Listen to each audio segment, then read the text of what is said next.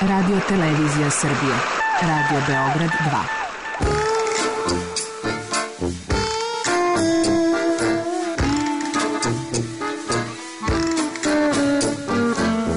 To rekli su mi, gospodine, vi ste promašili temu. Pa ja sam onda promašio život. I ne znam šta će da bude sam. Kaže, ja ne mogu više te čuvam. Šta da ti radi, kaže, snađi se kako znaš. Mi smo kao u kafesu. Za nas to je najmrtvo. To je mrtvo za nas. Naročito. Ja bih želela neko da me usvoji. Da bih želela. Govori da bih te video. Program dokumentarnog zvuka.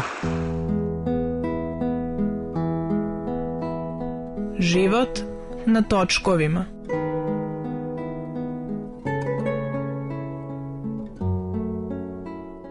Vozač sam međunarodne špedicije već nekih deseta godina. Ne znam tačno koliko i to je jako specifičan posao, nikad nismo skoro kući sa svojima, nego uvijek negde na nekom putu, parkingu, granici carini istovaru, utovaru itd. Ali opet to je posao koji sam ja odabrao. I opet to je posao koji je i zahtevan, a i opet bez nas, vozača, ovaj svet bi stao jer sve što je oko nas u nekom trenutku je bilo preveženo kamionom.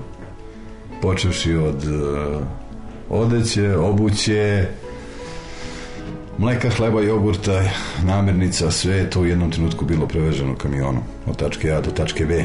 Tako da imajte razumevanje za nas vozače. Što smo nekad malo nervozni, što žurimo, jurimo, ograničeni smo vremenima, vremenom, rokovima, a opet i vozimo ogromna vozila, ukupne mase do 40 tona. Automobili su teški u proseku tonu, tonu i po. Imajte malo razumevanja za nas. Nisam klasičan vozač ili šofer. Na putovanju uvek nosim knjige. Volim da čitam smatraju me kolege pojedine malo čudno. Ali to je tako i šta znam. Put kao put je jako dosad. Zamisli pravac od 20-30 km pogled koji se čežnjevo kubi u daljini izgubljen misli ono kao ne postoje jednostavno glava je prazna, samo gledam put ispred sebe. Po neki put u retrovizore pogledam i to je to. Jednostavno samoća, ali ta samoća ponekad i prije. Jednostavno postajemo vukovi samotnjaci. Jednostavno naviknemo sami da sebi organizujemo život. I u nekom društvu malte ne može se prepoznati vozač. Jer samo ćuti i u, nekim svojim, u nekom svom svetu.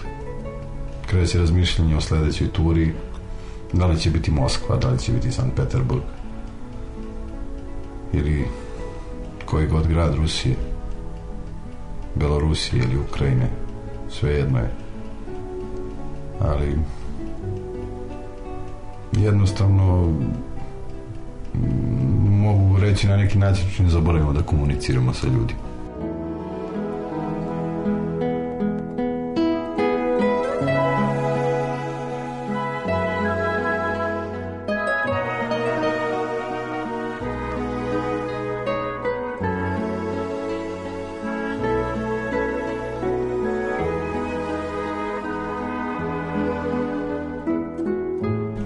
broju slučajeva možemo da se oslonimo, samo sami na sebe. I na i za greške u saobraćaju i za greške koje nismo mi prouzrokovali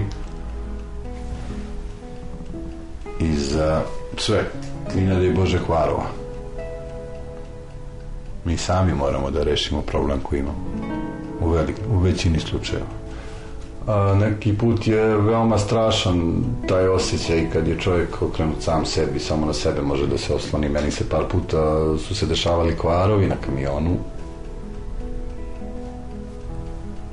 Pozovem ja majstora. Ali majstor zahteva da mu ja skinem taj deo. A, desilo mi se da mi se pokvario starter na motoru u decembru prošle godine na parkingu. Sam bukvalno ležao u bari i skidao taj starter. Nakon toga sam se razboleo jer jednostavno on čovjek zna da popravi taj starter ali zna i da ga skine ali neće. Moram ga ja skinuti tako da neki put je malo i zastrašujući taj osjećaj kad jednostavno okrenut je čovjek sam sebi na sebe može da se osloni zapravo jedina je i osoba na koju mogu da se oslonim. Sam je samo ja. E to je malo teško.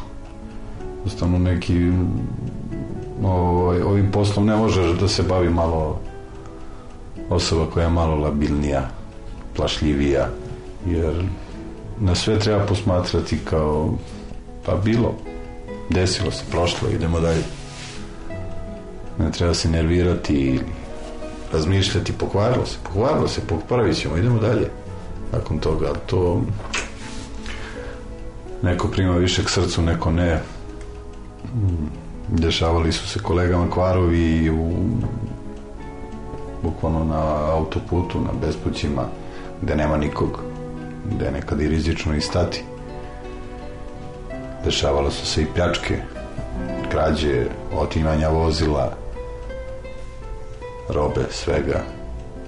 Opet čovjek je sam okrenut sebi i samo na sebe može da se osloni.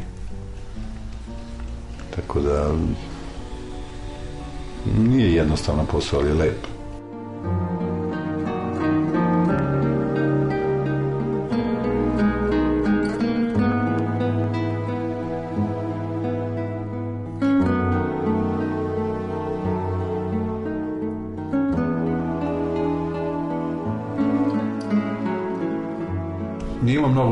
strana ovaj posao, ali ima mnogo i ružnih strana, tu su kvarovi, čekanja na granicama, ko znaju da bude po 3, 4, 5 i više dana u mestu, a, na primer, 400 km od kuće ili 500, smo, čekamo 5-6 dana na prelaz, posebno između Ukrajine i Rumunije, ozloglašeni prelaz Đakovo, nekad se desi da se prođe za jedan dan, a nekad se desi da se prođe 3, 4, 5 dana, zavisi.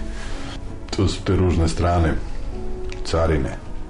Opet može biti za jedan dan gotovo, a, i opušteno može da bude za 20 i više dana. Znam primer dečka iz Hrvatske koji je proveo na carini u San Peterburgu 28 dana. I svaki dan mu je špediter broker obećavao zautra budjet sutra će biti, sutra će biti. Tako 28 dana je proveo u mestu dečko. Ali opet to su neke stvari koje ajde da kažemo su više sila, ne zavisi od nas. Kad mi se desi da imam neki problem na carini i da moram da provedem više dana 5, 6, 7, 8 dana. Prvih 2-3 dana sam opušten i miran četvrti već. Lagano me hvata nervoza, peti dan. U jedan od nervoze, šesti dan trčim oko kamiona. Oko nervo, zbog ne, od nervoze. Jer jednostavno nemam gde sa te carine. Mogu izaći peške do marketa do, o, da prošetam ali opet vezan sam za tu carinu nemam gde. I malo je taj osjećaj kad je ružan, bez veze. Jer već previše slobodnog vremena i onda počinjem da razmišljam o kući, o društvu. Joj, šta mi je ovo trebalo u životu, da se zezam ovde, da me zezaju, nedelju dana na carini, sad bi mogo da budem ne znam nija gde, na Srebrnom jezeru ili u Herceg Novom na moru ili gde već, da se zezam sa društvom i da mi bude lepo i opušteno, a ja ovde se zaluđujem sa carinicima koji neće nikako oni hoće, nego jednostavno izmišljaju rupu na saksi ili toplu vodu. Neke gluposti. Jer sve u svemu, opet kažem, puca po nama, po leđima vozača. Ali dobro.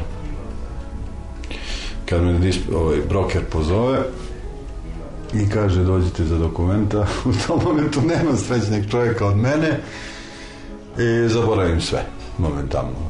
I onu nervozu i ono nerviranje i sve gluposti koje su se dešavale do tog trenutka. Pokupim papire i pravac isto.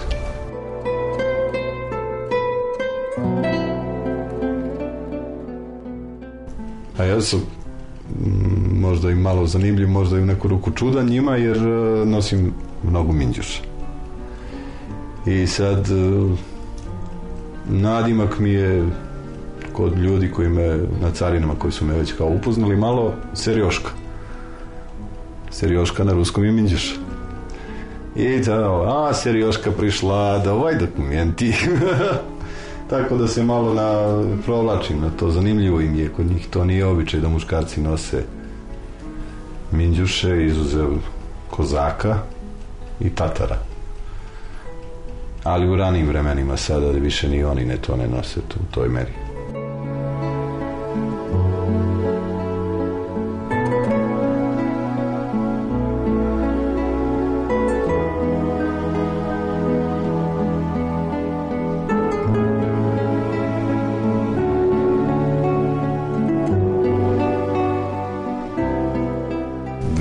Većina vozača ono, imaju žene, decu, čak što više sve moje kolege od svih mojih kolega iz firme samo sam ja i direktor više od momci.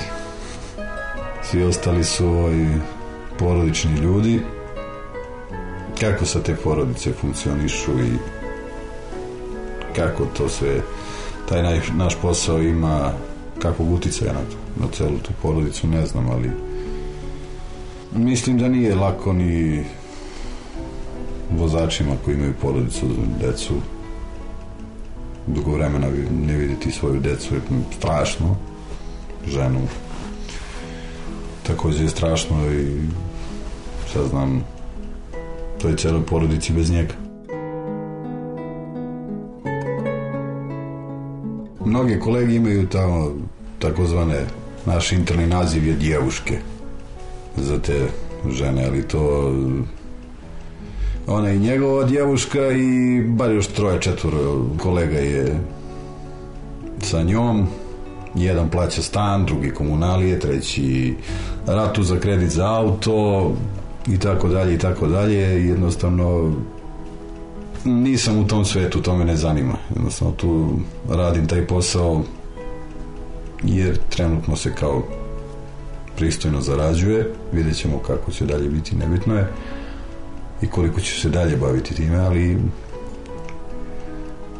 taj deo me jednostavno ne zanima. Moguće da te kolegije su da ih ne osuđujemo napred možda su te njihove porodice u Srbiji možda su oni razočarani u tu porodicu možda su se otuđili vremenom jer stvarno mnogo vremena se provodi na putu i kad se dođe kući malte ne nakon dan, dva, tri već se vraćamo nazad. Više se vremena više vremena provodim u Rusiji nego u Srbiji. To nije moj svet jer ja želim da stvorim sebi neko moje gnezdo jer veoma je teško imati stabilnu i lepu vezu sa nekim sa nekom ženom ovdje u Srbiji jer jednostavno toj ženi je potrebna i podrška i pomoć i jednostavno potreban ju je čovjek koji će biti tu za nju i pored nje. Mm, ne znači joj ništa ako ja dođem i ostavim novac ogrenem se i odem. Novac je samo šta je novac? Tu da za me da plati račune, komunalije, gluposti ali ja nisam tu. Jednostavno a ne mogu nisam takav čovjek da vežem nekog za sebe a da nikad nisam tu za nju. Zato trenutno nemam porodicu mm, nemam neku kao, ajde da kažem, ozbiljnu, stabilnu vezu, jer jednostavno, opet kažem, moje je mišljenje da bi bilo veoma glupo i veoma bezobrazno vezivati nekog za sebe, a ne biti za njega tu. Imam u planu da možda ću se baviti ovim poslom još godinu dana, dok ne skockam sve kako sam planirao i nakon toga ključevi idu o klin, naći ću posao od 8 do 3 bit ću tu. E, nakon toga se nadam da ću naći devojku koja mogu zasnovati porodicu i sve ostalo. Jer jednostavno ne kaže se za džabe daleko od očiju, daleko od srca jednostavno. Mislim, ja, tu je internet, Viber, sva ta čuda moderne tehnologije, ali opet dok nema konkretnog kontakta oči u oči, sve je to prolazna stvar.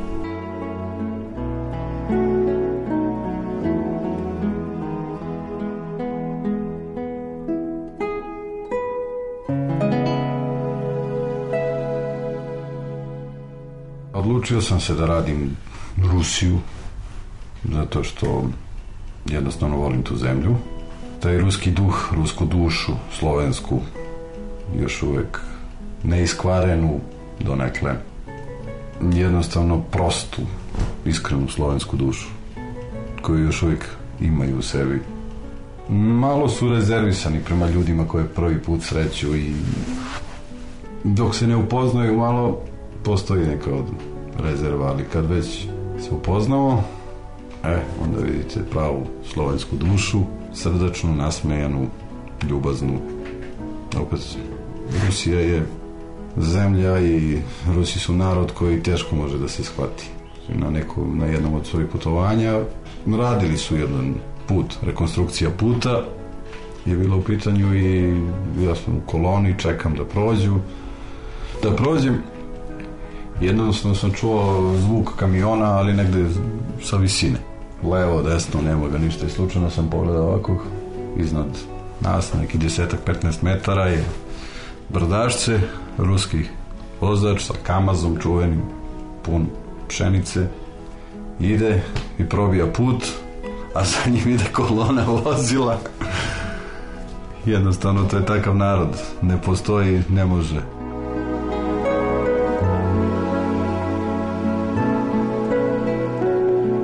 Smatram sebe klasičnim vozačem koji jednostavno utovari u Srbiji, istovari negde u Rusiji i između toga ne vidi ništa.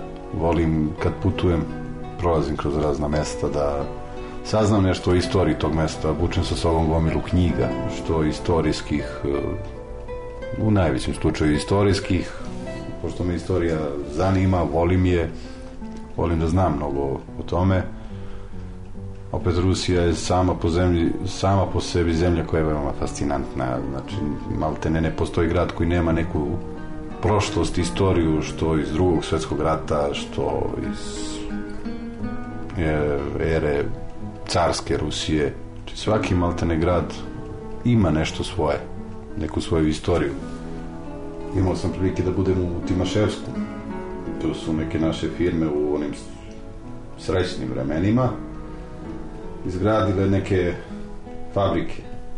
I taj grad kad se zapravo ulazi u taj gradić, na tabli piše Timaševsk, Gorod družbi, naroda SFRJ i SSSR. Postoji ulica, takođe se zove ulica prijateljstva naroda s Jugoslavije i Sovjetskog saveza. Postoji restoran još uvek tom gradiću, jugoslovenski sa našim specijalitetima to su neke lepe stvari koje vredi videti i treba videti. Ne samo vozim iz Beograda do Timaševska i to je to. Sve ostalo me ne zanima.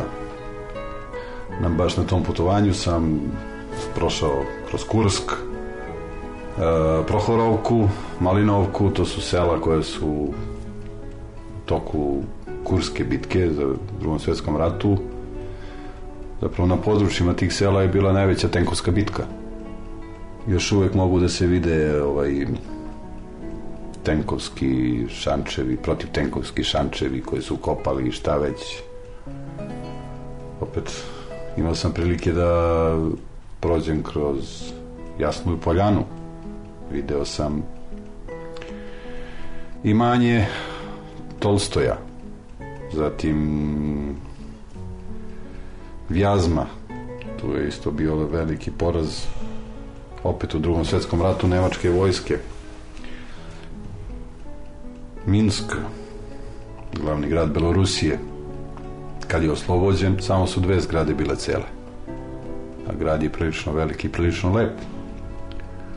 Zatim bio sam u Volgogradu, nekad je bio Stalingrad i ovaj pošto smo čekali na utovar nekih nedelju dana pošao sam do grada eto da vidim grad. Jednostavno je prelep. Reka Volga kanali propusnice za brodove. Želeo sam da odem do Mamajevog kurgana brda koje dominira iznad Volgograda. Pitao sam neke ljude kako da stignem daleko je baš od grada i komplikovan je taj sistem prevoza njihov da, da bi stigao. I onda su mi postavili pitanje odakle sam. Jednostavno nisam, vide da nisam Rus da nisam sa Kavkaza Uzbek, Tadžik, šta već.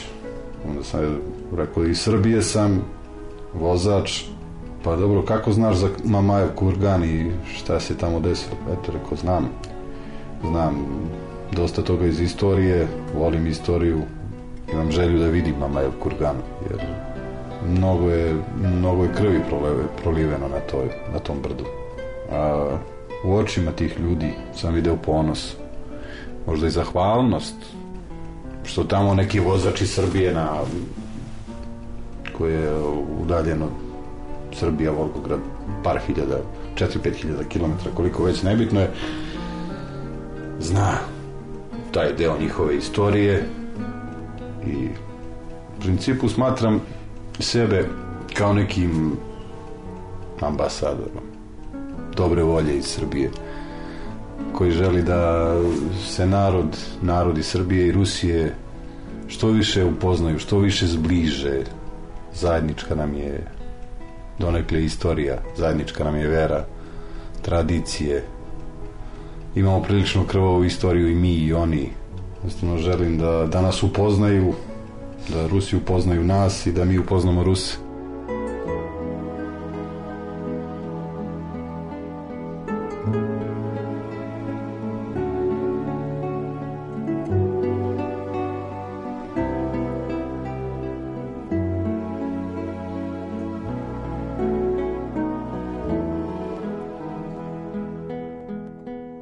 24 sata. Jedan dan. Imam 9 sati vožnje radno vreme i nakon toga 11 sati pauze ili 9 e, šta radim tih to vreme? Slušam muziku. Kad sam na pauzi čitam knjigu ili slušam muziku. Šetam oko kamiona šetam po parkingu. Ako ima naših vozača, kolega malo se družim dok ne postanu dosadni ili dok se ne dohvate vodke. Neki put jedva čekam da vidim krevet. Sam premoren. Naporno je jeste ono kao gomila ljudi priča a šta vam je teško no, sediš i držiš volan. Ako je lako ja stalno govorim ajde sedni samo ne tražim ni da voziš ni ništa samo sedi sam. Kamion i provedi 15 dana kamionu i onda će ti biti jasno. To nije ni malo lako. Počnem da razmišljam šta rade moji kući, da li je sve okej. Okay. Da li, ne znam, i razmišljam i ne razmišljam i radim nešto i ne radim ništa, jednostavno to je dok se opet kažem, dok se ne doživi ne može da se shvati nekad ovaj, kad mi dođe inspiracija uh, sednem i zapišem neke svoje misli sa puta neke događaje pečatljive to, fascinantno mi je bilo u aprilu sam bio u Kondopogi gradu na severu Rusije na utoru Bele noći.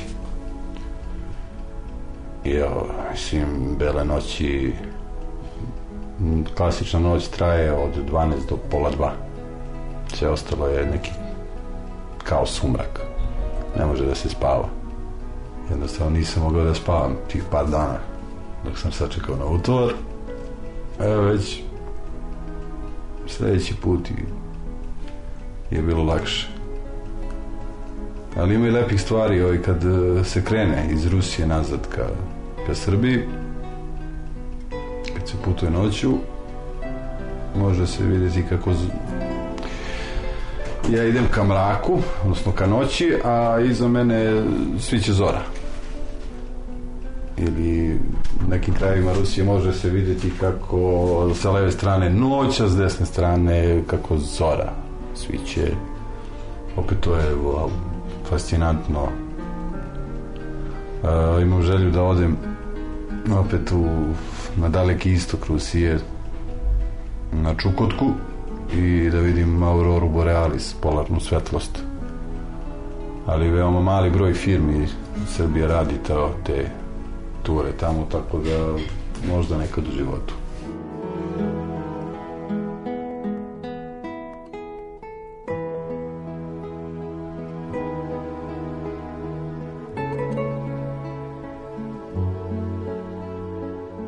Teško je mnogo napustiti ovaj posao jer jednostavno mm, opet neka kao interna šala ili šta već ušla nam je nafta u krv. Ušao nam je put u krv, to lutanje kad smo dugo na jednom mestu rade živci samo se vrtim ne znam gde ću, šta ću sa sobom gledam TV, isključim, sednem za računar, isključim, pa opet pređem na TV, pa na računar i tako u krug i jednostavno mm, pušač sam, ne znam šta ću sa rukama kad sam slobodan onda. Ako na putu ispušim jednu paklu cigara kad sam kući, ja dva jer jednostavno ne znam šta ću sa sobom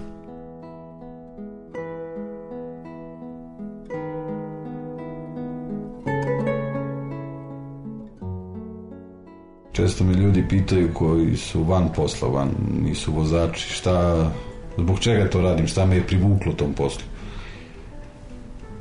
Kao klinac, deseta godina sam se jednostavno zaljubio u kamion, u taj život, u ta putovanja, u, u tu slobodu. Jer ovaj, zaista smo slobodni. Nismo ograničeni kancelarijom, fabričkom kapijom, radnim vremenom od 8 do 3. Ima ogromna doza slobode kad se ispoštuje to vožnja, a jednostavno mm, na neki način život se diše punim plućima, živi se punim plućima. Nema šefa iznad glave koji zvoca, nema supervizora ili svih tih nadređenih koji samo zvocaju i traže još, još, još, još. Znači, velika je sloboda. Na neki način su često su vozači kamiona u isto vreme i bajkeri. Zato što opet i bajkeri su duše koje traže slobodu, koje nisu ograničene. Taj put nam daje slobodu kretanja nezavisnost e, mi smo buntovnici na neki način. Odbijamo da budemo ubačeni u kolotečinu, u kolosek nikad ne hodamo pognute glave uvijek nas su nam glave podignute. I s ponosom govorimo da ja sam vozač međunarodne špedicije Nebitno je da li se ide tu okolo, Rumunija, Bugarska, zemlje bivše Jugoslavije ili Rusija, Zapad, Nemačka, Švedska, nebitno, ali većina nas hoda podignute glave. Jer smo slobodni, imamo nešto što većina ljudi ne, tu slobodu.